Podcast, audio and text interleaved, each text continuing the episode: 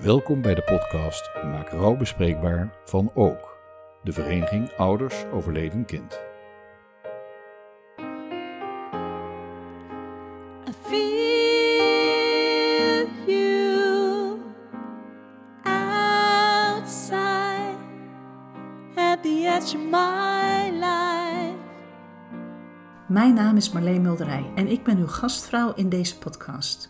Op 18 december 2015 verloren we onze dochter Lonneke, 16 jaar. Ik neem u mee in een wereld van rouw, maar ook in een leven met perspectief. Ik zit eh, bij Els aan tafel. Ja. in, eh in verre Nijmegen. Malden. Malden. Ja, Onder Nijmegen. ja, ja. Ja joh, dus eh hele trein. Ze zouden aan de wandel, maar het werd een eh kletsnatte dag, dus dat gaat ook niet worden. Nee. Nee, maar we hebben al even eh, telefonisch contact met elkaar gehad. Ja. En eh, al wat verteld over Arman. Ja. En ik ben heel nieuwsgierig naar jouw verhaal. We hebben al een en ander besproken, maar eh, eigenlijk gaan we gewoon vertellen over Arman. Ja, fijn. Ja, ik kijk eh, over je schouder heen naar een, eh, een, een mooie fotocollage van je zoon. Van de schoolfoto's. Van zijn man. schoolfoto's. En vanaf schoolfoto's. welke leeftijd begint dat ongeveer? Zes. Ja, en daar kijkt hij nog heel eigenwijs. Heeft hij zijn eh, duim en zijn wijsvinger en daar legt hij zijn kin dan in. Ja. Alsof hij ontzettend nadenkt. En eh, wat is de laatste foto? Hoe, hoe oud is hij daar? Eh, daar is hij 19. 19. Ja, mooi Net, jongen. ja. Ja. Ja. Ja. hey, en Arman is een, het is geen doorsnee jongen, als ik dat zo zie. Klopt dat? Eh, hoe- of is hij wel doorsnee? Nee, hij is helemaal niet doorsnee Nee. op geen enkele manier, denk ik. Welk eh. kind is ook doorsnee? Ja, ja, ja, precies. Ja. Nee, hij heeft eh, mooie donkere ogen.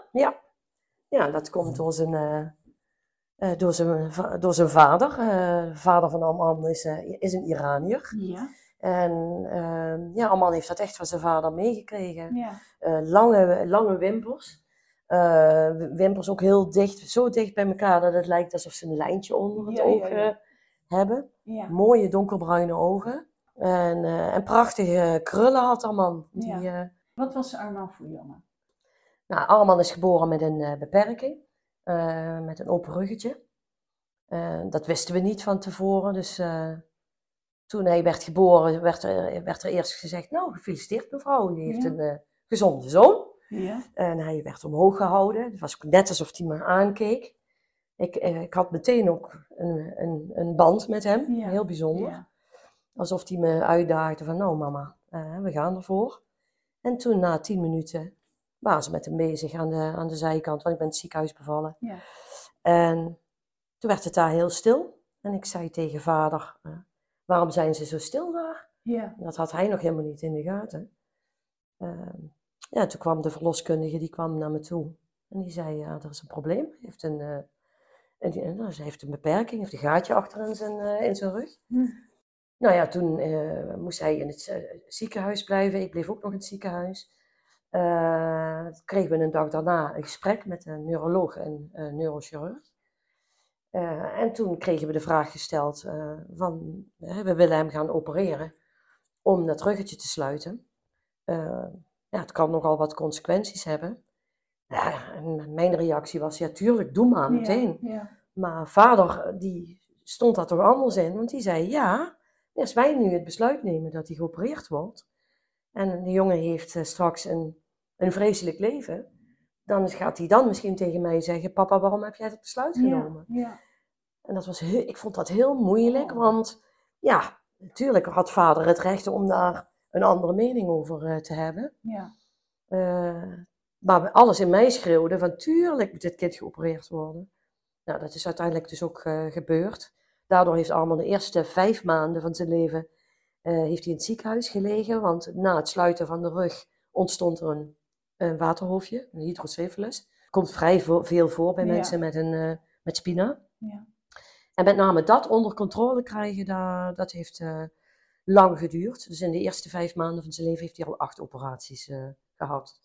Ik denk dat door die, die periode dat velen in het ziekenhuis zijn, was het in het begin best een angstig kind. Eh, we kwamen er op een gegeven moment ook achter dat Arman heel bang was voor harde geluiden. Eh, en ik heb ooit bij een bijeenkomst met allemaal mensen met spina dat was een neu- neurochirurg. Toen kwamen we erachter dat dat waarschijnlijk iets met die drain in zijn hoofd te maken heeft. Hè? Want hij had een draintje in zijn hoofd Ja. Om die druk te reguleren. En dat dat veroorzaakt dat eh, geluiden heel hard eh, in je hoofd binnenkomen. Daar kon hij helemaal van in paniek raken. Eh, dus het was een heel bedeesd jongetje, een beetje kat uit de boom kijken. Maar naarmate die ouder werd, is die, heeft hij toch meer zelfvertrouwen gekregen. Hij kon ook, de- toen hij een jaar of 16, 17 was, kon hij makkelijk zeggen van, oh, ik kan dat. Ja. Terwijl hij heel veel beperkingen had. Ja. Maar daar, eh, ja, daar had hij niet zo- niet zo last van. Hij eh, had wel zelfvertrouwen. Eh, was zich ook helemaal niet bewust van zijn handicap. Hij zat in een rolstoel, Ja, was verlamd vanaf zijn middel. Dat was door die operaties dan? Dat, dat zijn, was dat Nee, consequentie? De, de, de, de opening in, zijn, in zijn rug die zat zo hoog. Ja. De, de hoogte van de opening bepaalt welk deel van de spieren en de zenuwen niet werkt. En bij hem zat de opening vrij hoog. Dus vanaf zijn middel eh, ja, wer- werkte, werkte de spieren en de zenuwen niet. Nee. Dus hij had geen gevoel vanaf zijn middel Ja, eh, naar beneden zijn benen in. ja. Ja, jij- wij staan bij middel toch, toch een beetje het gedeelte onder de borst. Het Ja. is echt best wel hoog. Ja, dat is behoorlijk hoog. Ja. Ja. Daar voelde hij niks, dus hij moest met, eh, met heel veel dingen geholpen worden. Met aankleden. Hij heeft leren zitten puur op balans. En Ja. daar gebruikte hij zijn armen Ja. bij. Hij kon zichzelf ook verplaatsen, maar dat deed hij puur op kracht van zijn armen. Dus die jongen had ook eh, behoorlijke spierballen. En als Ja. hij me vastpakte, dan moest ik ook soms zeggen, even een beetje rustig. rustiger eh, met je moeder. Ja. Ja. Eh, maar hij, werd, hij, hij, hij was ook heel... Het was een heel vrolijk kind. En, en het grappige is, als je een aantal mensen die, die spina hebben, als je die naast elkaar zet, dan hebben ze een aantal karaktereigenschappen hebben ze gewoon gemeen. Ja. Eh, heel veel babbelen. Heel snel afgeleid zijn. Eh, maar ook, ja, het is heel erg gericht op de, eh, op de ander. Heel erg contact zoeken. En dat deed hij met name verbaal. En het was, het was een hele, hele vrolijke, blij kind. Hij hield van gezelschap, muziek, feestjes. Hij had hele, beetje droge humor. De humor van, van eh, Mr. Bean en van Ernst en Bobby. Dat vond hij heel fantastisch. Ja. Als ik in de keuken wa- eh, was en ik deed een kastje open, dan viel iets uit, dan lag hij in een deuk. Dat soort humor. ja, het was gewoon een heel gezellig eh, kind. Een hele lieve, hele lieve jongen. De hele dag door was het, mama, ik hou van jou. Mama, ik hou van jou. En dan zei ik soms, oh man, dat moet je niet de hele tijd zeggen, want ja, dan, dan, het is toch bijzonder als je dit wat minder vaak zegt. Ja, en dan nu denk ik, oh, wat ben ik blij dat je het zoveel gezegd hebt. Ja. Ik heb het gewoon voor de rest van mijn leven Juist. meegekregen van hem. Ja. Ja, nou, het was gewoon een heel fijn kind. Fijn Ja. ook om mee op vakantie te gaan. Hè, want van, vanaf 2010 waren we eh, met z'n tweetjes. Toen zijn zijn vader en ik eh, gescheiden. Ja. Ja, wij zijn dan eh, acht, acht, negen jaar lang op vakantie gegaan met de tent. Naar aangepaste campings dan weliswaar. Nou, dan zaten we in een hele dag in de auto. Maar ja, je had daar gewoon geen kind aan. Hij maakte af en toe zijn opmerking. Moest even wat bevestiging krijgen. En dat is verder gewoon zo leuk. Dat is een soort maatje eigenlijk. Ja. Ja. En dat is dus ontzettend genieten om naar te luisteren, maar aan de andere kant ook meteen zo wrang. Ja, Want je mist dus dat maatje. ja, ja, ja heel erg. Ja, Ja. Hoe oud is hij geworden? 21. Ja. Ja, in coronatijd eh, werd hij 21. eh, en mijn bedoeling was, ik heb, toen hij 18 werd, heb ik ook een, echt een feest voor hem gehouden. Met een DJ. En eh, ja, dat vond hij fantastisch. Er Ja. kwamen ook een, een aantal klasgenoten en dat waren ook van die genieters. En stonden ze allemaal bij elkaar met hun rolstoel op die dansvloer. En bewegen deden ze amper. maar ze zaten gewoon bij elkaar te genieten van eh, wat er allemaal gebeurde. Dat is echt heel leuk. Eh, familie en vrienden komen dan nu nog steeds op terug, op dat feestje. Van wat, wat was dat voor een geweldig feest? Dat hebben die kinderen en eh, gewoon wat zij ook uitstraalden, dat pure, eh, dat, dat pure genieten. Ja, dat sloeg over op de rest van de gasten. Daardoor werd het gewoon een heel fijn feest. Ja. Nou, dat had ik dus ook in mijn hoofd voor zijn 21ste verjaardag. Maar ja, het was coronatijd, dus dat mocht niet. Ja, ik dacht, ja, maar ik moet er iets doen met zijn verjaardag. Ja, ik mocht naar hem toe. Hij woonde toen inmiddels in Kuik, daar woonde hij begeleid. Ja. Eh, en in de ruimte voor de dagbesteding, eh, daar mocht ik dan een feestje houden met hem. Dus ik had dat helemaal versierd, slingers opgehangen, chocoladetaart, champagne. en hij werd binnengebracht door een van zijn begeleiders en hij kijkt rond en hij zegt, nou, gaan we niet autorijden? Want in die, al die, die maanden daarvoor, ik ging iedere keer met hem op pad. Want dat Ja, ja, mocht. ja. Ik mocht dus wel met hem op pad. Dan mocht ik hem bij me in de bus zetten achterin. En dan maakten we een ritje en dan stopten we ergens om te picknicken. Ja. Nee, maar dat, dat vond hij zo leuk. Toen dacht hij wat moeten we hier nou? Ik wil rijden met mama. Maar ja, toen hij zijn chocoladetaart kreeg en zijn glaasje champagne en zijn cadeautjes. Ik had iedereen filmpjes laten opnemen. Ja. Dan hadden ze allemaal eh, ingestuurd. Daar had ik één lange collage van gemaakt. Dat was bijna een half uur. Daar heeft hij ook zo van genoten. Dat iedereen hem toesprak en voor hem zong. En ja, uiteindelijk vond hij het geloof ik toch wel heel erg leuk. Ja. Mooi dat je dat hebt kunnen doen dan. Ja. toch? Ja, echt heel leuk. Want wanneer, eh, wat, wat, wat was zijn verjaardagsdatum? Eh, 16 april. En toen? Nou, corona dat was begonnen in maart. Hè? Toen, dat was, ja, dat was dat jaar, 2020. Ehm Arman woonde toen, ja, vanaf augustus van het jaar daarvoor woonde hij in Kuik. Hij kwam nog elk weekend eh, naar huis. Mhm. Dat wilde ik heel graag, want Ja. ik dacht dat dat Arman dan ook beter kon wennen. Maar vanaf maart mocht dat niet meer. Nee. Wat was, eh, want hij, hij woonde toen begeleid. Ja. Was dat omdat hij ook zelf zei van, nou, ik ben nu volwassen, zelfstandig, of, of Mm, ja, hoe is dat eigenlijk gegaan? Ik eh, ben op een gegeven moment op zoek gegaan naar een, een mogelijke woonruimte. ja. Eh, ik wist dat dat wel jaren zou kunnen duren. Maar ik had het voorbeeld vanuit mijn eigen jeugd, waar ik dan iedere keer de ste- eh, ouders zag lopen met een jongen in een rolstoel. Je zag aan die jongen dat hij ouder werd, je zag aan die Ja. ouders dat, die, dat ze ouder werden. Ja. Dat beeld heb ik altijd in mijn hoofd gehad en altijd gedacht, ik wil niet dat het zo moet gaan, dat, hij, dat als ik straks hem niet meer kan verzorgen, dat hij dan ineens het huis uit moet. Eh, ik gun hem dat hij eh, de tijd heeft om ergens te wennen. Ja. Maar vooral ook dat hij zich ook een beetje los kan maken van mij. Zeker omdat we met z'n tweeën waren. Ik deed gewoon ook heel veel voor hem. En ik wist dat er meer in moest Ja. eh, zitten. Ja. Dat hij meer zelf zou moeten kunnen. En ik was met een groep andere ouders, eh, eh, waar we bezig ook een stichting oprichten. Om dan samen een woonplek te, te vinden voor onze kinderen. Maar dat leek, ehm, ja, op een gegeven moment hadden, ze een hadden we een locatie in gedachten. En daar zag ik wel tegenop. Ik denk, ja, dat gaat nog drie, vier jaar duren. Hmm. Eh, en toen waren we op Armans een dagbestedingsplek, die was in Kuik. En daar gingen ze boven bouwen. Daar kwam woonruimte. En die, eh, de, de, de eigenaar, die zei tegen mij, ja, maar Arman kan ook hier wonen. Nou, en hij had het daar heel erg naar zijn zin. En best wat jonge lui die ook bij die dagbesteding werkten, zouden ook daarboven komen wonen. Eh, nou, die man die heeft me daarboven rondgeleid en waar ze aan het bouwen waren. En eh, na, dat, na dat rondkijken kwam ik weer terug in de bakkerij waar Arman zat eh, te werken Ja, op zijn ja, manier. ja. Ik zei tegen hem, nou, ik ben boven gaan kijken, want daar wordt nu gebouwd. En, Joost, dat is een jongen die eh, al heel lang kende. Joost gaat hier ook wonen. Oh, zei Arman. Dat zie ik wel zitten. En dat is de allereerste keer dat hij dat zei. Want daarvoor had ik wel eens met hem gepraat en dan zei hij altijd, nee, ik blijf altijd bij jou. Ik blijf altijd bij jou. Ja. Toen dacht ik, ja, maar als hij aangeeft dat hij dit zit zitten, dan moet ik daarop aanhaken. Dat was voor mij nog te snel, had nog helemaal niet gehoeven. Nee. Maar hij, wauw, hij was gemotiveerd. Ja. En dat is hij ook blijven volhouden. Eh, zel- zelfs naar zijn vader toe, die uit een andere cultuur komt, waar je mensen met een beperking niet het huis uit doet. Hè. Ik zeg het tussen aanhalingstekens, maar vader voelde dat zo. Eh, die was het daar niet zo mee eens. Maar Ar- Arman zei tegen zijn vader, ja, maar papa, ik wil het zelf. Hmm.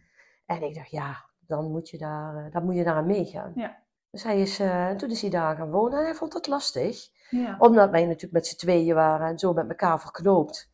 En daarom mocht hij in het begin dan iedere weekend naar huis komen. Nou ja, toen was het dus maart, corona. Eh, mocht hij niet meer naar huis komen mm, vanwege de angst op besmetting. Eh, dat, heeft, dat vonden we allebei heel moeilijk.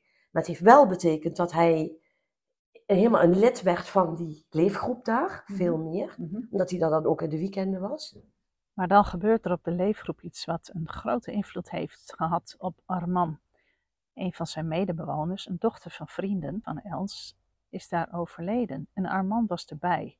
En hij kon vanwege zijn verstandelijke beperkingen daar niet mee omgaan.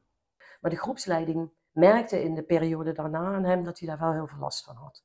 En toen zei ze op een gegeven moment, ehm, laat Ar- we laten Arman toch een weekendje naar huis komen naar jou. Komt hij daar misschien tot rust? Misschien gaat hij daar wel over praten. Maar precies in het weekend dat Arman hier bij mij was, kreeg ik corona. Ja. En toen mocht hij dus niet meer terug naar Kuik. En Arman zei, ja, dan mag ik lekker lang bij jou blijven. Nou, de eerste week ging dat nog, maar na een week werd ik, ik werd steeds zieker. En op een gegeven moment moest hij dus wel terug. Vond hij heel erg moeilijk. Eh, hij heeft toen twee weken in quarantaine gemoeten in Kuik. Dat heeft hij heel goed gedaan. Echt petje af voor hem. Ja. Maar op een gegeven moment werd ik wel vast beter. Ik werd begeleid door de fysiotherapie om weer te revalideren. En op een gegeven moment gingen in de camping in Frankrijk, waar we altijd naartoe gingen, daar gingen de grenzen gingen weer open. Die camping die mocht weer open. Ja, en ik dacht van ja, dan, maar dan gaan we toch proberen om samen weer op vakantie te kunnen. Ja. En dat hebben we gedaan.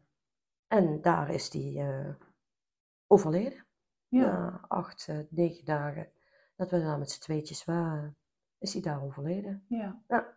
En wat was de oorzaak? Een draai in zijn darmen. En omdat Arman vanaf zijn middel verlamd was, heeft hij dat niet gevoeld. Nee.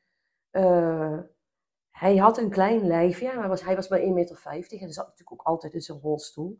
Maar de, de organen, die, die groeien natuurlijk wel door. En hij had eh, een ernstige scoliose, waardoor de organen ook al anders lagen in zijn lichaam. Ja. Waarschijnlijk is daardoor op een gegeven moment eh, die, die draai in die darmen ontstaan. Nou, als dat bij ons gebeurt, dan krijgen we natuurlijk enorme buikpijn. Ja. Dat geef je aan, maar hij heeft het niet gevoeld. En eh, hij kreeg op een gegeven moment een hele dikke buik. Dat had ik wel eens eerder gezien als hij obstipatie had, want door zijn beperking had hij daar ook al last van. Mhm. Eh, maar dat kon je dan met medicatie meestal wel verhelpen. Dus dat hebben we geprobeerd en dat werkte niet. Ehm, toen zijn we naar een ziekenhuisje in de buurt gegaan, zo'n klein streekziekenhuis. Hij kwam daar binnen en ja, de mensen daar dachten meteen van iemand met een beperking. Wat, Wat moeten we ermee? Want dat Ja. kunnen wij helemaal niet aan. En toen werd er een foto gemaakt en toen ontdekte, ontdekten ze ook dat hij een draai in zijn darm had. Ze hebben nog geprobeerd of hij naar een ander ziekenhuis in de buurt zou kunnen, een groter ziekenhuis. Met een IC in ieder geval. Ja, dat hebben we allemaal niet meer gered. Nee. Hij kreeg een hartstilstand. Ach joh. Eh, want waarschijnlijk was dat weefsel eh, al aan het afsterven. En het lichaam heeft zichzelf vergiftigd. Ja. En ehm, Wat een schrik. Ja, dat was Ja, dat was natuurlijk ontzettend plotseling. Ja. Want hij zat, was, was er wel slecht aan toe. Ze probeerden zijn maag eh, probeerden ze, eh, Ja. leeg te zuigen. Dat lukte allemaal niet. En hij zat er ook zo verschrikkelijk bij. Oh, dat was echt zo zielig. Ja. Eh, en ehm, ik ben ook een heel stuk kwijt daarvan. Eh, want er was gelukkig iemand bij, de, de, de, de mevrouw van de camping. Eh, die camping ligt dus in Frankrijk, maar Ja. zij is een Nederla- Nederlandse. Ja. Zij is toen 's morgens met mij naar het ziekenhuis gegaan, omdat mijn Frans, Frans natuurlijk niet goed genoeg was, zeker Mhm. in zo'n situatie. En ehm, ik ben blij dat zij erbij was, want zij heeft me verteld later dat hij de hele tijd mijn hand heeft gepakt. En steeds kusjes heeft gegeven op mijn hand. En dat stuk ben ik helemaal kwijt Ja. door, het, door het.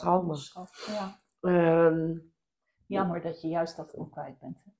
Ja. Je had zo graag andere dingen kwijt willen zijn. Ja, Maar dit niet. ja, nee, nee, Nee. die vreselijke beelden. Ja, heb ik Ja, later ook EMDR ja. voor gehad. Want dat was zo naar. Eh, daar, eh, in, en in, mijn, eh, in mijn herinnering heeft dat stuk heel lang geduurd. Maar daar kon zij ook van tegen mij zeggen. Ja, Els, het was maar een half uur. Het heeft helemaal niet zo lang. Juist dat hele stuk daarvoor hebben jullie naast elkaar gezeten. Jullie hebben elkaars hand vastgehouden. Hij heeft jou de hele tijd kusjes gegeven. Dus jullie zijn de hele tijd bij elkaar geweest eigenlijk. Dus ik ben zo blij dat zij dat heeft eh, eh, gezien en heeft. Dus dat heeft zo moeten zijn, van Ja. mijn gevoel. Ja.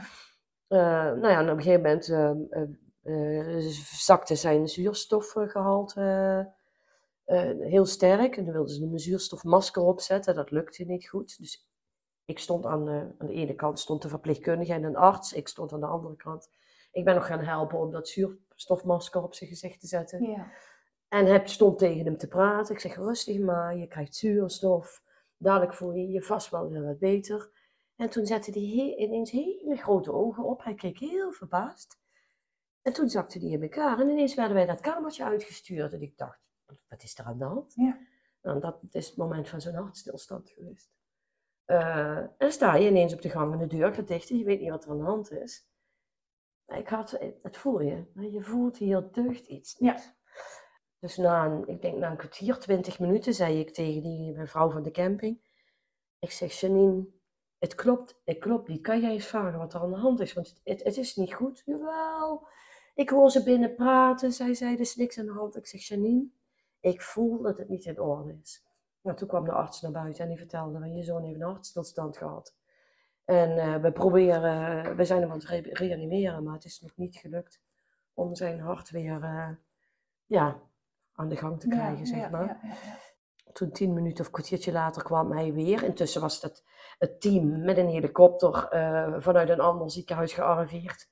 Om hem op te halen en naar een ander ziekenhuis te brengen. Maar ja, dat kon natuurlijk niet, want hij, ja, hij was op dat moment klinisch eh, dood. Ja.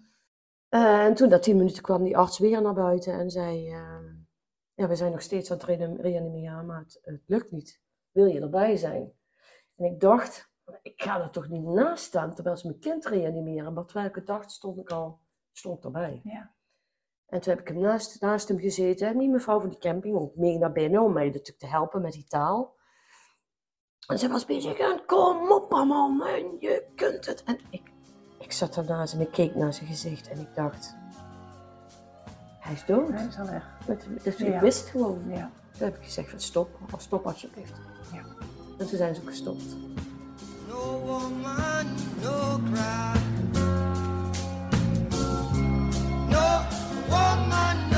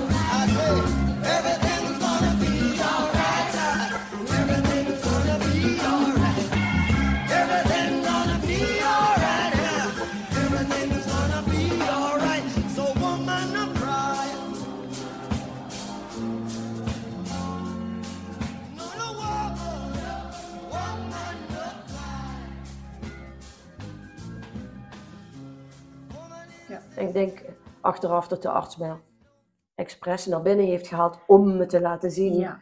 wat ze allemaal aan het doen Ja, waren en dat het niet goed. lukte. Het Ja. is zo goed geweest van die, eh, ja. van die arts. En dat jij ook mocht zeggen, stop maar. Eh, hij is na, na, na afloop de- de- de- ongeveer een half uur later, eh, nadat Arman was overleden. Ze hebben me toen met Arman alleen gelaten. Met die mevrouw van de camping erbij. En toen is hij later teruggekomen, dus bij me komen zitten. Toen, eh, toen heeft hij tegen me gezegd van nou, eh, ik wil dat je weet dat het niet jouw schuld is wat hier gebeurd is. Dit kwam omdat je zoon verlamd was. Dus hij heeft niet kunnen aangeven dat hij buikpijn had. En hij zegt, en ik wil ook dat je weet dat het goed is dat je naar dit ziekenhuis bent gekomen. En dat je niet naar een groter ziekenhuis bent gaan rijden. Anders was het in de auto gebeurd. Ja, En dat vond ik ook heel, heel fijn. mooi. Dat hij, ja, dat hij dat zei. meedacht. Ja. Ja. Ja. Zeker in het licht wat er daarna is gebeurd. Want vader heeft mij uiteindelijk de schuld gegeven. Mhm. Eh, en dan is het goed dat, Dat De artsen, dat je gewoon weet van het is niet zo. Nee, Ja. klopt. Ja, dus dat was... eh, Het was een iets wat andere vakantie dan je in de planning had. Ja. Cru gezegd. Ja. Van de andere kant denk ik, eh, ik ben zo dankbaar dat ik met hem heb kunnen gaan, want we hebben daar wel nog negen dagen gehad. Ja. Samen, want anders was hij misschien in een kuik geweest waar ik niet bij hem mocht. Nee. En dan was het daar gebeurd. Eh, en nu zijn we gewoon negen dagen samen geweest. Hij heeft genoten daar weer. Ehm, ja, daar kon hij zichzelf zijn met allemaal andere kinderen met een beperking. Ja. Daar waren altijd vrijwilligers die animatie deden. Dus elk jaar wel een, een meisje waar hij verliefd op, eh, op werd. Een van de, begeleid, van, de, van de begeleidsters, van de Ja. vrijwilligsters. Dat was dit jaar ook weer zo. Ja, ik denk, je hebt eigenlijk gewoon niet op een, op een mooiere plek. Nee. Je hebt gewoon zo'n mooie laatste periode gehad. Dus ja, het gekke is dat je daar dan ook wel heel dankbaar voor Ja. bent. Terwijl Ja. het natuurlijk allemaal verschrikkelijk heftig was. Oh. Ja. Ik heb daar de hele tijd bij hem eh, gezeten. Je voelt het lichaam dus echt koud worden. Ja. Achteraf is dat voor je hoofd denk ik wel allemaal goed. Want je, ja, dat besef, dat, dat zit er zo, heel, zo in. Want hij, hij is overleden, want zijn lijf is koud en wordt minder bewegelijk. Dat voel je allemaal. En in Frankrijk, eh, zo'n klein ziekenhuis heeft, heeft geen eigen mortuarium. Hm. Dus hij moest naar een, een gemeentelijk mortuarium. Dus daar hebben we op gewacht totdat hij daarvoor werd eh, opgehaald. Dus ik heb nog twee uur naast hem gezeten. En toen moest ik dus met, met die lege rolstoel het ziekenhuis uit. Zo. Nou, dat is, het zijn echt verschrikkelijke dingen eh, allemaal. Toen kwam ik terug op de camping. Daar ben ik echt heel goed opgevangen. Ze hebben me echt eerst afgeschermd van de andere campinggasten. Die intussen wel allemaal wisten dat Arman was overleden. Dat hadden ze iedereen verteld. En toen hebben ze s'avonds een soort bijeenkomst eh, gehouden. eh, voor alle ouders. Had mij ook gevraagd, wil je erbij zijn? En ik, ik, ja, instinctief had ik zoiets van ja. Want dan kan ik mijn eigen verhaal vertellen tegen iedereen tegelijk. Dan hoef ik niet in de dagen daarna al dat, dat verhaal iedere keer opnieuw te vertellen. En dat hadden ze zo mooi gedaan. Ze hadden al die ouders met al die kinderen eh, muziek opgezet. Ik heb mijn verhaal verteld. Er waren een paar mensen die wat herinneringen ophaalden. Ja, dat is echt heel, eh, heel mooi. Ja, ja dat, dat zijn van die mooie dingen. Hoe je merkt dat dat. Ja, jij gaat op dat moment het ergste waar je doorheen kan gaan. Maar iedereen om je heen zorgt er dan voor dat ze, dat ze er toch voor je zijn. Ja. Al heb je geen idee hoe het bij een ander overkomt. Ja. Dat hadden wij ook. Dat je, dat je alleen maar denkt: oh man, ik ben hartstikke lastig. Of ik ben. Hè, wat, ga alsjeblieft verder met. Of het leven gaat erdoor. Of, Ja. Maar iedereen is dan zo. Ze willen allemaal wel wat doen. En als dat dan zich zo vormgeeft, Ja. ja, dat is, Ja. dat zijn dat moment. Ik zeg ook vaak, hè, van, van je, je verhaal stopt. eh, als, als je kind overlijdt, dan stopt die wereld even. En er start een compleet nieuw verhaal. Dan moet je zien wat voor een ongelooflijk mooie verhalen je nu al vertelt over die eerste uren daarna. Ja. Waar je dus ook weer verder op mag bouwen. Ja. Ik, Ja. ja, ik snap dat je daar intens dankbaar voor kan zijn. Ja, ja. ja dat ze eh, later. ehm dat, dat was een van de animatietenten. Dat was de tent waar hij altijd met zijn groep zat. Die groep Ja. heette dan de Bende van Ellende. Ja. Uh, Arman heeft ook aan de, aan, de, aan de start van die groep gestaan. Ja. Die groep bestaat inmiddels ook niet meer. Dus, dus het is met hem ontstaan en met hem ook gestopt. En daar hadden ze meteen, die, allemaal, voor iedereen had al zijn foto's gestuurd. Die hebben ze allemaal uitgeprint eh, opgehangen. Dus er stond een heel groot bord met allemaal foto's die iedereen van allemaal had, allemaal uitgeprint. En een kaarsje stond aan, er lag een boekje. Iedereen kon daar al meteen gaan schrijven en gaan zitten. En op het eh, gras voor die animatietent had iedereen had eh, van die solarlampjes. Daar hadden ze een hele grote A van gemaakt. Dus ik, ehm, na de bijeenkomst, die was denk ik rond acht uur, ben ik daar weggegaan. Toen moest ik terug naar de tent. Verschrikkelijk, want daar kwam ik Ja. Ja. op dat moment alleen in terug. Waar ik 's morgens met hem was weggegaan. Dat was echt afschuwelijk. Ja. Eh, toen dacht ik ook, dit kan ik niet. Ik kan dit niet aan. Ik, ik kan dit niet aan. Ja, je gaat gewoon door. En eh, ik heb daar gezeten. En s'avonds kwam een, eh, eh, een van mijn zussen. Die had ik 's middags aan de telefoon. En die zei, ik stap nu in de auto en ik kom naar je toe. Met haar eh, jongste dochter. Dus die zijn meteen in de auto gestapt. En die waren om half twaalf, twaalf uur waren we op de camping. En toen liepen we samen richting die animatietent. En daar stond die enorme verlichte aan. Ik vond dat zo. Ja. Overal zaten groepjes te praten. Van die jonge lui. Veel echt nog jonge lui. Tussen de 17 en de... Ja, sommigen waren wat ouder. Maar Ja. een grote groep rond de 20. Waar dat toch ook wel heel erg heftig voor was dit. Ja. Die zaten allemaal in groepjes met elkaar te praten. En ja, je voelde gewoon, iedereen was zo, eh, zo betrokken, was allemaal bezig met wat er met mijn kind was gebeurd. Ja. Ja. Dus het is, het is afschuwelijk en je denkt, ik, ik overleef dit, ik overleef dit niet, ik kan het niet aan. En tegelijk word je zo gedragen. Ik denk dat dat het is. Ja. Ja, Je krijgt toch een duw de goede richting in. Van jij gaat dit wel Ja. aankunnen. En je hoeft het niet alleen te doen. ja, Ja. Ja, mooi. Of mooi. Nee, natuurlijk niet. Zwaar verdrietig. Maar wel mooi dat je die, die dingen ervaart, Ja. bedoel ik. En, en heel herkenbaar ook. En, en, eh, Ja. ja. Maar goed, dan, dan kom je terug in Nederland. Want je moet ook weer terug, Armand terug naar Nederland, neem Ja. ik aan. ja, en de eerste, eh, kijk, omdat hij overlijdt in het, eh, in het buitenland. Ja.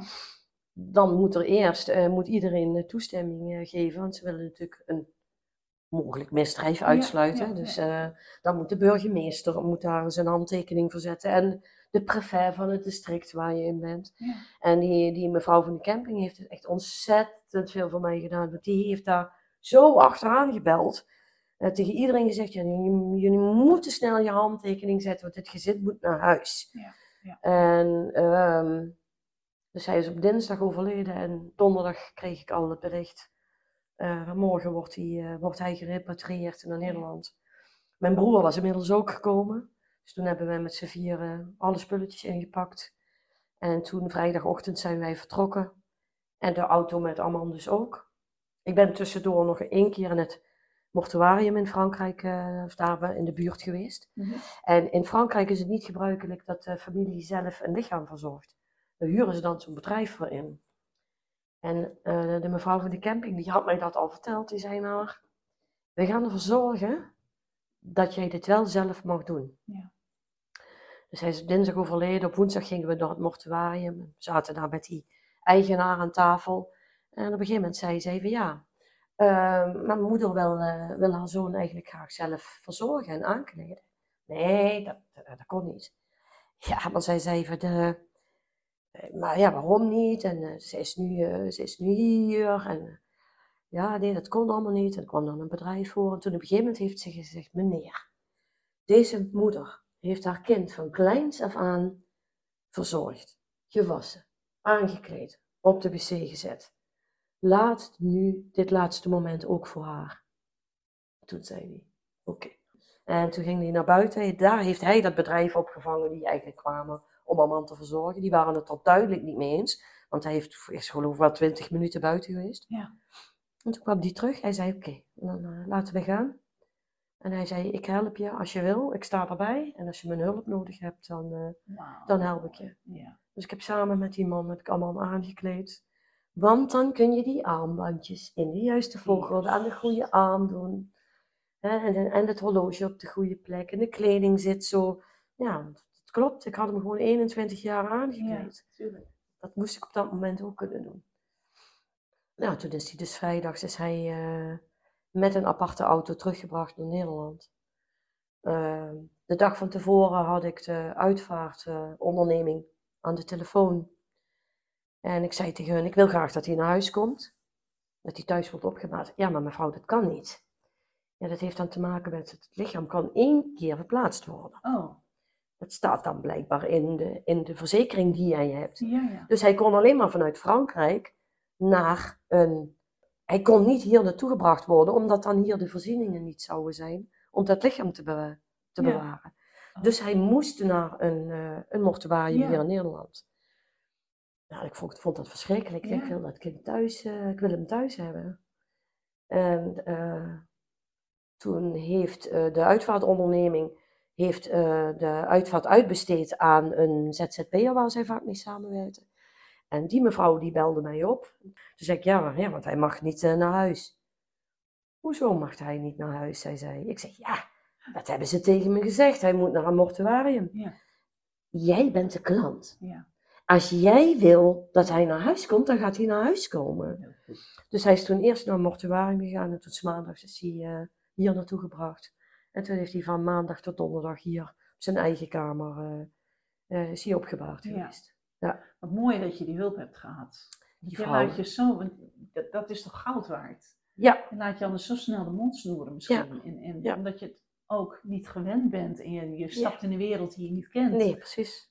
Mooi. Eh, ja, dus die, deze mevrouw, nou fantastisch, zo überhaupt hoe zij mij hier begeleid eh, heeft. En eh, waardoor we bepaalde keuzes hebben kunnen maken die alles zo goed voelden. ja. En ik heb heel erg instinctief, instinctief gehandeld in die, in die tijd. Terwijl ik zo helemaal niet zo ben. Ik ben echt zo iemand die altijd alles uitdenkt en Ja. alles van tevoren bedenkt en uitstippelt, alles opschrijft ook. Maar zo instinctief, eh, met, met zulke goede beslissingen tot gevolg. Ja. Ja, dus dat, dat, ja, het is gewoon heel, heel mooi Ik, gegaan. ik denk dat je in, in zo'n situatie ook wel terugvalt op het basale. Wat je hebt Ja. als mens natuurlijk. Dan heb je ook niks anders meer dan je instinct, neem ik aan. Ja. Want je, je moet in goed vertrouwen dingen doen. En, en, Ja. Ja. En dat was zelfs zo goed dat naarmate de tijd weer vorderde en nadat, nadat Armand was overleden, merkte ik dat mijn hoofd het alweer allemaal ging overnemen. Mhm. En dat vond ik zo jammer. Ja. Eh, want ik dacht dat dat instinctieve, dat heeft me zo, zulke mooie, ja, ik heb weer dat woord mooi, maar het Ja, veel gebracht. eh, Ja. heel veel gebracht. Wat heel erg waardevol was. Ja. dacht ik, wel, ik wil dat eigenlijk niet loslaten. En eh, ja, toen ben ik, een, ben ik op een gegeven moment een cursus gaan doen. Intuïtief traject. Eh, waardoor ik geleerd heb om toch wat meer de balans eh, te zoeken. En soms wat, ook wat meer op mijn, in, op mijn intuïtie te kunnen Ja. vertrouwen. Ja, dus Ja. dat lukt dan daarna wel. Ja. Je bent je er meer bewust van. zo. Ja, ja. het is meer een balans. Ja, Dus dat, eh, ja, dat heeft het ook gebracht. ja. Dat is wel heel bijzonder Dat eigenlijk. veel, hè? Ja, het stom te concluderen, maar het is wel Het zo. is wel zo. Ja. Ja. Ja, hey, en ehm, mooi afscheid genomen van Armand. Lukte dat? Eh, ja, in het begin, ehm, toen ik mo- moest natuurlijk vanuit Frankrijk zijn vader bellen om te Mhm. zeggen dat zijn kind was overleden. En die ging totaal, ja, eh, is natuurlijk ook al wat. Je laat je kind Ja. in goed vertrouwen met de andere ouder mee op vakantie gaan Ja. en je krijgt dan het bericht dat je kind is hij, overleden. in, eh, woonde hij toen in Iran? Nee, nee, nee. Hij heeft een tijdje in Iran eh, gewoond Ja. nadat wij eh, ehm, gescheiden waren. Maar hij is teruggekomen omdat hij zijn zoon zo verschrikkelijk miste. Eh, maar had wel in Iran een, eh, een nieuwe partner gevonden. Ja. En daar woonde hij inmiddels hier in Nederland mee, eh, mee samen. Maar ik moest hem dus bellen om te vertellen dat zijn kind was overleden. En hij, ja, hij, hij was totaal overstuur. Hij heeft geschreeuwd aan de telefoon. Zo boos op mij dat ik, ik heb toen ook de verbinding verbroken. Ik heb later teruggebeld. Toen kreeg ik een, want hij was blijkbaar bij, bij een vriend van hem. Die heeft toen de telefoon opgenomen. Daar heb ik verder aan kunnen vertellen wat er was gebeurd. Eh, toen heeft hij zelf eh, die gezamenlijke vrienden, die dus ook hun kind hadden verloren, drie maanden daarvoor, Mhm. eh, die heeft hij opgezocht, want daar had hij een goed gevoel bij. Hij heeft met hun gepraat. Hij heeft een zus van mij gebeld, heeft hij mee gepraat, en nog een, een, een, een vriendin. Ehm, ja, daar is hij van gekalmeerd of van tot rust gekomen. En toen, eh, toen hebben we op een gegeven moment contact, heeft hij me gebeld of ge- geappt. eh, en dat was ineens, was zijn toon anders. Toen ontstond er eh, via de app een heel gesprek. Daar hebben we drie uur lang s'nachts zitten appen met elkaar. Ja. Je zou zeggen dat is raar via de app, maar dat was op dat moment goed, want het gaf genoeg Ja. afstand. Ja. En toen, toen zei hij op een gegeven moment, ik, ik help met alles mee. Eh, en ik wil heel graag betrokken zijn bij de, bij de uitvaart. Eh, en toen ik terugkwam, hebben we elkaar, eh, we kwamen 's vrijdags weer hier weer aan. Op zaterdag hebben we elkaar getroffen bij het mortuarium. Daar hebben we elkaar ook omhelst en dat was goed. Ja. Eh, en ik heb hem vanaf dat moment ook overal bij betrokken en ook gezegd, dit huis is nu weer jouw huis. Arman komt hier dadelijk en wat mij betreft kom je midden in de nacht of wanneer je maar wil. Het staat hier open voor jou om hier te zijn. Eh, hij is een paar keer geweest, niet heel veel. Vond hij toch te, te zwaar. Ja. Eh, maar ja, dan, dan ga je samen denken, ja nu. Het was nog steeds coronatijd, dus er waren nog beperkingen. Als we de uitvaart binnen hielden, dan mochten er 60 mensen maximaal komen. Maar als we het buiten zouden doen, dan was het onbeperkt. Ja, buiten, ja, dat zou natuurlijk geweldig zijn. Toen zei die uitvaartonderneemster, er is hier een zweefvliegveld toch in de buurt? Ik zeg, ja, ja dat ken ik wel. Eh, want ik werk hier in deze Ja. gemeente werk op de afdeling Milieu, dus ik weet welke ondernemingen er allemaal zijn. Ja. Ja, zullen wij daar eens gaan kijken? Zal ik die eens bellen of de uitvaart daar eh, gehouden mag worden? Ja, dat is goed. Ja, dus zij heeft gebeld en zij zei de akkoord, want dat was een, aan, kort daarvoor was er ook een uitvaart geweest. Ja, daar is dus de uitvaart geweest. Er waren meer dan 100 mensen bij. Ja. En via een livestream hebben er vanuit, ook vanuit Frankrijk en andere plekken in het buitenland nog 60 mensen meegekeken. Dus Oh, er waren heel veel mensen bij betrokken. Het was die dag heel mooi weer. De activiteiten van de zweefvliegclub gingen door. Dus daar gingen zweefvliegtuigjes de lucht in. We hadden een heel groot scherm. waar Allemaal foto's. eh, ik, ik, ik heb gewoon allemaal foto's van Arman verzameld. Van, als babytje, als grote jongen. Ja. En zijn eigen liedjes. Alle liedjes die hij heel mooi vond, die hebben we gedraaid. En dan een aantal sprekers. Zijn vader heeft iets gezegd. eh, ik heb iets verteld. Mijn oudste zus. Dus het is heel persoonlijk. Het draaide helemaal om hem. En ik, ik had achteraf, toen ik ook daar zat en zat te kijken, toen dacht ik, oh kind, je krijgt hier zo'n podium. Dat is echt wat je verdient. Hoe zie je erbij, denk je? Ja, ik denk het wel. Vooral daarna, toen we op de begraafplaats waren. En zijn ne- neven en nichten, die hadden allemaal eh, eh, rode, oranje en groene ballonnen. Want Armand was helemaal bezeten van stoplichten. Ja. Moeten we het nog even over hebben? Ja, die had ik, ja, dat heb ik je eerder al verteld. Ja. die komen nu inderdaad eh, voorbij. Dus die hadden allemaal, allemaal ballonnen in de kleuren rood, rood, oranje, groen. Ja. En die hebben we op de begraafplaats hebben ze die losgelaten. En die ballonnen die gingen allemaal de lucht in. En één groene ballon, dat was Armand zijn lievelingskleur en de mijne, bleef één groene ballon die bleef hangen in de boom boven zich af. En die heeft daar een hele dag gehangen. Dat die ballon daar bleef hangen, ja, ja dat was het eerste seintje. Ja. En ik heb er daarna heel, heel veel gehad. Ja. Wat had Arman met stoplichten? Wat was dat? Ja, dat weet ik eigenlijk niet. Eh, ik denk dat voor hem de, onze auto en later onze bus, Ja. dat was als het ware zijn benen, hè, want daarmee kwam hij overal. En hij vond het gewoon geweldig om in die bus te zitten. Daar hadden we dan ook altijd muziek aan. En eh, hetzelfde liedje zes keer achter elkaar, dat soort dingen. Eh, en op een gegeven moment had een, een Nintendo. Ja. En op zijn manier speelde hij daarmee. Hij, hij, Arman had eh, uiteindelijk de ontwikkelingsleeftijd van een kind van zeven. Hè. Verder dan dat niveau is hij eigenlijk niet gekomen. Dus hij prutste daar dan een beetje mee. En op een gegeven moment had hij ontdekt dat hij daar ook foto's mee kon maken. Dus dan hoorde ik steeds klik, klik. Ik dacht, wat zit hij toch de hele tijd te doen? En hij maakte dus iedere keer als we bij een stoplicht stilstonden, dan maakte hij daar foto's van. Ik denk dat het kind in zijn leven duizenden foto's van stoplichten gemaakt heeft. Ja. En ik weet niet wat dat was, dat vond hij gewoon geweldig. Ja, mooi. En op een gegeven moment, die kleuren, dus ook dat rood, oranje, groen, Ja. Dat, ja, dat kwam steeds terug. Eh, ik hou heel erg van reggae muziek. Mhm. Eh Armand vond, Ja. nam dat voor een deel van mij over. die kleuren zijn rood, geel en groen. Ja. Eh Armand was een enorme fan van carnaval. De Limburgse kleuren van de carnaval zijn rood, geel en groen. Dus het kwam overal, het werd een soort thema. Ja. En dat is het ook na zijn dood eigenlijk gebleven. Ik bedoel, als je kijkt daar op de naaimachine daar staat een foto van man. Er staan bloemen bij. En die zijn altijd in de kleuren. Altijd rood. Dat moet altijd rood, Ach, ja, geel en oranje zijn. Ja. Ik heb eh, dit voor hem laten maken. Mooie kaarsen houden, glas in lood. Ja, Met de kleuren rood, Prachtig. geel, groen. Ja, heel mooi. De mevrouw die dat heeft gemaakt, die is zelfs bij een stoplicht gaan kijken omdat ze de kleur groen, want het is niet helemaal ja. groen, het is meer een beetje blauwig groen. Ja, ja, ja, ja. Om die kleur goed eh, na Ja. te bootsen. Er staat een glazen vogeltje, dat is rood, geel, groen. Mooi hoor. Ja. Dus ik ben, heb dat een beetje eh, Ja. he- hevig door. Ja, je ziet, je, ziet, je ziet dat terug. Ik zei zo straks al je foto van Marvin Gaye boven de piano. Ja, Bob Marley. Bob Marley, sorry. En dan zie je inderdaad die kleur ook weer, eh, Ja. weer terugkomen. Dus het is inderdaad gewoon wel... eh, Ja. Ja, mooi. Ja. Ja, maar jij, jij plaatst ook stoplichtjes bij markante plekken, hoorde ik. Of niet? Af Ja. en toe eens even één.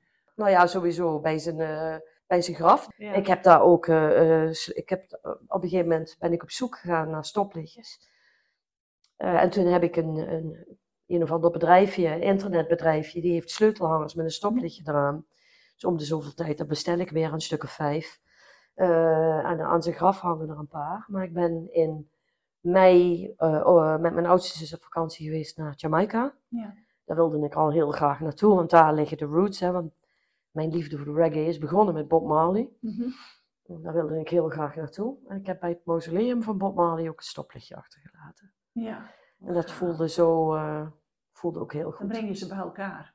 Ja, Dat gevoel. Ja, Ja. oh, snap ja ik helemaal. dat gevoel. Ja. Nadat Arman was overleden, ik, ik eh, wist van heel veel muziek die hij mooi vond. eh. en ik dacht dat bij Bob Marley dat ze een, één, één nummer zijn favoriete liedje was. Het heet Waiting in Vain. Mhm. Dat hebben ze dus op de camping ook voor Arman gedraaid, omdat ik zei dat dat zijn favoriete nummer was.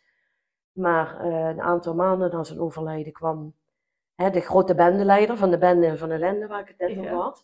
Die kwam hier bij mij op bezoek en die zei op een gegeven moment, nou het is helemaal niet waar. Hey, Arman heeft, ik, ik heb een paar dagen voordat hij overleed, zaten we op het terras van de camping. En toen waren we muziek aan het luisteren en toen zei ik tegen hem, wat is jouw favoriete liedje? En toen zei hij, dat is Three Little Birds. Hè, dacht ik, Three Little Birds? En vanaf dat moment kwam dat nummer op de radio. Dan sloeg ik 's morgens de krant open, dan stond daar een foto, een foto in met drie vogels erop. Overal kwam ik dit tegen. ja. Ja, dus dat werd een, een, een ander symbool. Die het rood. thema. Don't Ja. worry about a thing. Every little thing's gonna be alright. Dat Ja. is toch... Hoe mooi wil je het hebben? Ja. Natuurlijk dit punt van de podcast, dat ik deze muziek erin zet. Hè? Dat snap je. Ja, ja, ja,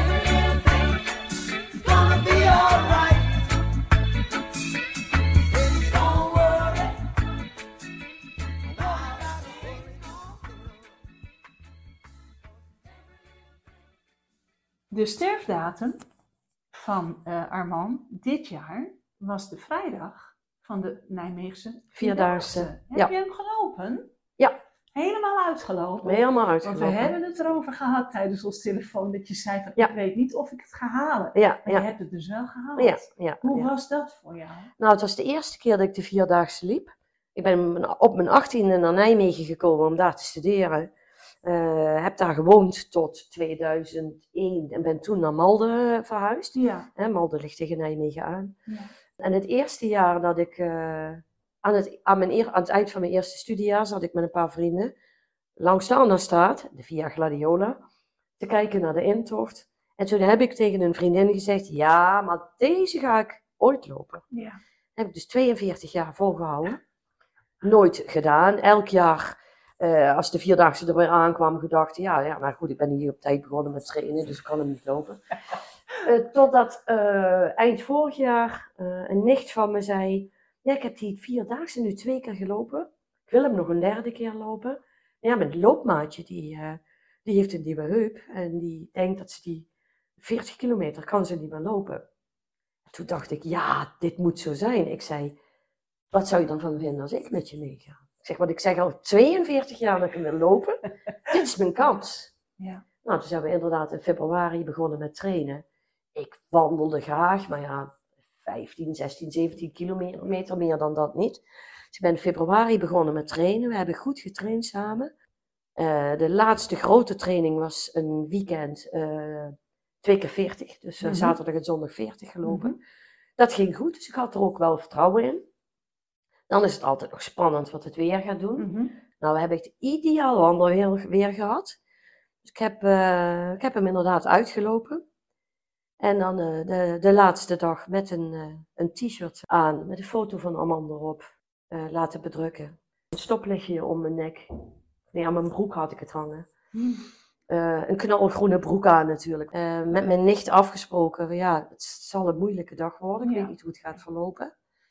Met elkaar afgesproken, van als je het moeilijk krijgt, krijgt, dan pak je gewoon mijn hand vast. Nou, we gingen 's morgens lopen en vrij in het begin stond een collega van mij, die stond elke ochtend, heeft hij ons op datzelfde punt, heeft zij ons dan opwachten. Die ochtend ook, ze zag me aankomen in mijn t-shirt, zij begon te huilen, ik begon te huilen. Ja, daarna lopen, en tijdens het lopen kreeg ik ook allerlei beelden, zelfs die nare beelden, die kwamen ineens naar boven. Hm. En dat kon, Ja. Die kon ik toelaten. En of dat nou kwam omdat ik ook aan het lopen was, Ja. ik weet het niet. Maar die, die kon ik laten komen. Op een gegeven moment kwamen we in Kuik. Ja, daar zag ik natuurlijk allerlei plekken waar ik met hem gelopen heb toen hij daar woonde.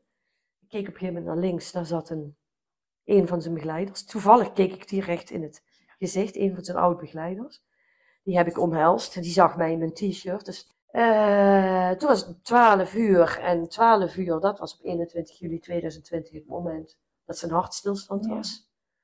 Dat was e- ook weer even een heel moeilijk moment. Toen zei ik tegen mijn nicht, ik moet even je hand vasthouden. Dan heb ik even hand in hand gelopen. Ja, dat zakte weer. Toen zijn we doorgelopen. Toen kwamen we, liepen we Malden binnen. En toen was het kwart over één. En, en kwart voor één was het moment dat, eh, dus ja, eigenlijk gezegd is van hij is overleden. Ja. Om kwart voor één begon het een beetje te regenen. Twee minuten, het stopte, toen ging meteen de zon weer schijnen. En op het moment dat het ging regenen, zette langs de kant van de weg, zette iemand Last Christmas van Wham op. Wie bedenkt dat nou? Ja. Maar Last Christmas van Wham was wel Armand zijn all-time kerstfavoriet. Die die helemaal grijs draaide, die die ook in de zomer opzet. Ja, en ook op dat moment dacht ik, jij bent hier. Ja. Want alleen jij kunt bedenken Ja. om dat nummer op te zetten en mij daarmee te laten weten dat je er bent. Ja. Zo. Nou ja. Bizar, hè? Maar wat, wat ongelooflijk fijn dan dat je ook gewoon gezegd hebt, ik ga die laatste dag ook lopen. Ik ga gewoon op de sterfdatum van haar man ga Ja. ik lopen. Ik heb er wel over nagedacht en getwijfeld. Ja. Wat, wat, wat doe ik dan? Want de afgelopen twee jaar ben ik thuis geweest op zijn sterfdag. Ben ik Ja. toch heel erg mee bezig geweest. Heb ik om 12 uur bepaalde nummers opgezet. Eh, allebei de jaren een soort kortsluiting in mijn hoofd gekregen. Dat ik gewoon compleet in paniek raakte ook. Mhm. Dus ik dacht, ja, erger dan dat kan het niet zijn. Dus Ik kan ook eens een keer gaan lopen en kijken wat er dan gebeurt. Mhm. En het, het was ook zwaar, maar het was anders. En omdat ik aan het lopen was, kon ik op een andere manier aan hem denken. eh. dus het was ergens ook heel Ja. goed. Ja, en door dat moment om kwart voor één was hij er zo bij. Kwam ik hier vervolgens in het eh, eh, midden in Malden. Daar stond de VIP-tent, waar ook de, de burgemeester staat en de gemeentesecretaris. Dat zijn allemaal mensen waar ik in mijn werk mee te maken heb. Die wisten dat het voor mij een moeilijke dag was. Ik ben zo fantastisch ingehaald daar door mijn collega's. Eh, de burgemeester die op me afkwam en zijn armen om me heen sloeg en zei: Joh, ik weet dat dit een moeilijke dag voor je is. Ik had van tevoren geregeld, als ik in Malden was, dat Three Little Birds opgezet zou worden door die DJ. Eh, dus op een gegeven moment stond ik daar bij die VIP-tent, bij mijn collega's. Ik app naar de DJ, ik ben er. Hij appte terug, ik zet het nummer zo op. Op het moment dat het nummer begint, komt de burgemeester naar mij toe. Oh. En ik denk, nee. Ik denk, ja, wat doe ik nou? Ik denk, ik kan nou heel eh, lief en beleefd zijn zoals ik altijd ben. En hier blijven staan en die man laten praten. Ik denk, dat wil ik niet. Nee. Dus ik zei, ik, zei, ik wil heel graag nu doorlopen. Ik zeg, ik eh, vind het heel vervelend. Zeg maar, ik heb dit nummer eh, aangevraagd voor Armand, want het is zijn lievelingsnummer. En ik wil nu gaan lopen. En toen ben ik ook gewoon gaan lopen. En ik denk, hij begrijpt het wel. En anders vertel ik het hem later eh, Ja. wel. Dus toen ben ik samen met mijn nicht weer, hand in hand, stevig geknepen, eh, daar langs gelopen en, en voorbij gelopen. En dan gaat dus dat nummer sterft dan langzaam achter je weg. Ja, dat is heel mooi. Ja. Ja, maar op, op zo'n dag word je dus en gedragen door al die mensen om je heen. En gedragen door Armand. Ja. Maar het wel zelf ook georganiseerd. Ja, oeh, nou even. En ja. het, het gekke daarbij is dat ik dan heel. Dan ben ik dat zo aan het bedenken en dan denk ik, ja.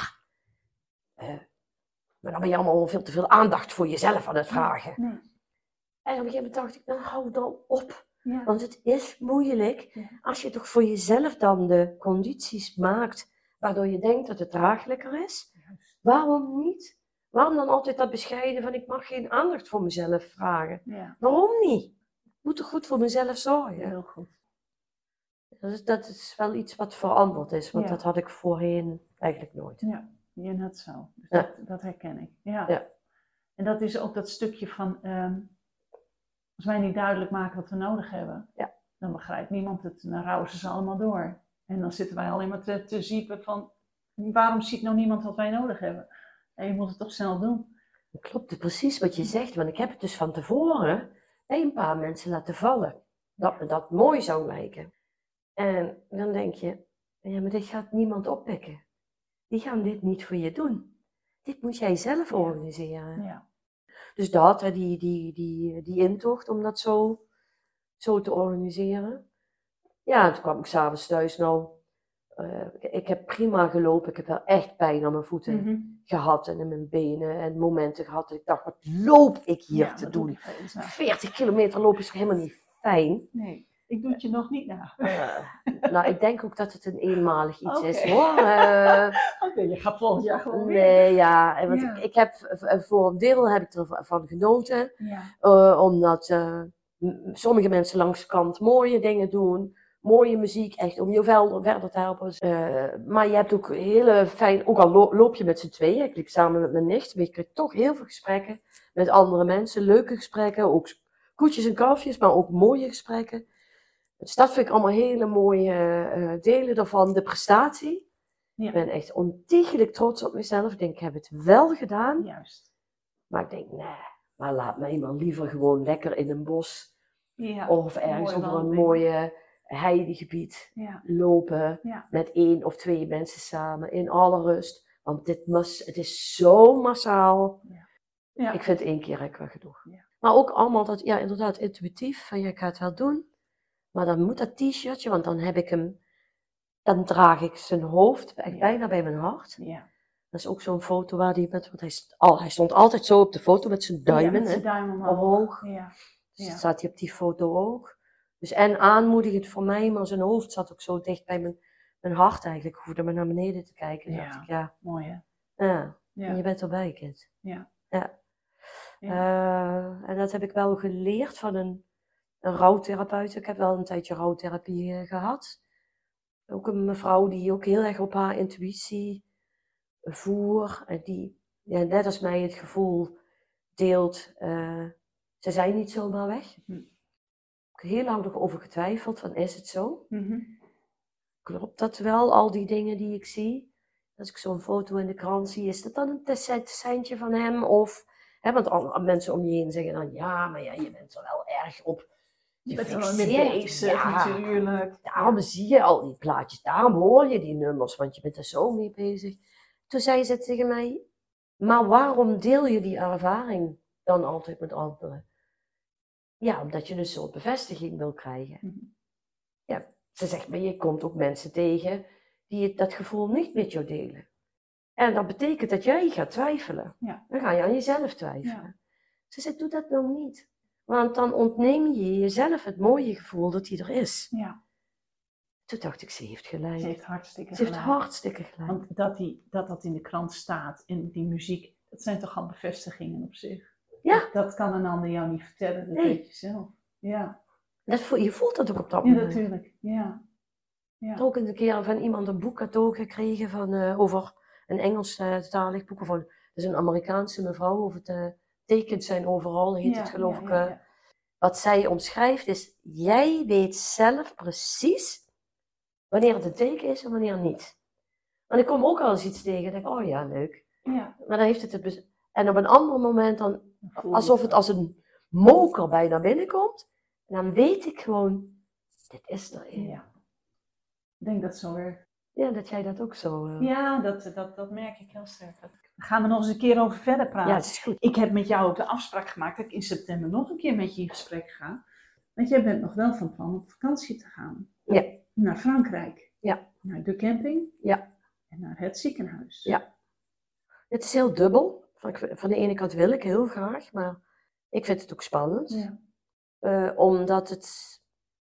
Ik, ik, zo- ik zoek natuurlijk de pijn weer op. Ja, ja. Eh, En de herinneringen. en de herinneringen. Maar ik merk dat ik dat eigenlijk voortdurend doe. Ja. Is, dat, is dat dat je daarin ook moet bevestigen van, mijn pijn is er, hij is er niet meer. Ben je daar dan ook mee bezig? Of moet je het nog laten indalen? Of... Ja, dit is ook wel zo'n intuïtieve beslissing. Want ik weet, mijn, mijn, mijn moeder die leeft nog, die is eh 93. Ja. Heeft zelf overigens ook een kind verloren, maar dan bij de geboorte. Hm. En die zegt dan tegen mijn kind, waarom, waarom doe je dat nou? Waarom doe je jezelf dit aan?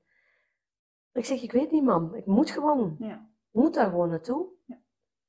Afronden. Ik weet het niet, wat, dat kan ik later pas zeggen of Nou het ja, afronden daarom. is. Dus dat, dat, is, dat is iets, daar wil ik dan ook met jou in gesprek van. Wat, wat heb je ge, ge- eigenlijk met dat idee heb je gevonden wat je dacht te vinden? Heb, je, Mhm. heb je ervaren wat je dacht te ervaren? Eh, ja, dat. Ik denk dat wij er nog eh, inderdaad met elkaar over in gesprek gaan. Maar ik, Ja. hoop, ik hoop wel voor jou dat dat een hele mooie ervaring mag worden. Ja. Een, een goede ervaring. Ja, ja. En dat het je brengt wat je hoopt dat het brengt. Ja. Dus voorlopig we het hierbij, maar een hele grote wordt vervolgd. Dankjewel Els. ja, jij ook. Dankjewel. I had to let you go to the setting sun. I had to let you go to find a way back home. U heeft geluisterd naar de podcast Maak rouw bespreekbaar van Ook, de Vereniging Ouders Overleden Kind. Wilt u meer weten of wilt u lid worden? Ga dan naar onze website oudersoverledenkind.nl. Ook zijn we te vinden op Facebook en Instagram. Heeft u een onderwerp voor of wilt u een keer meewerken aan een podcastaflevering? Mail dan naar podcast.oudersoverledenkind.nl.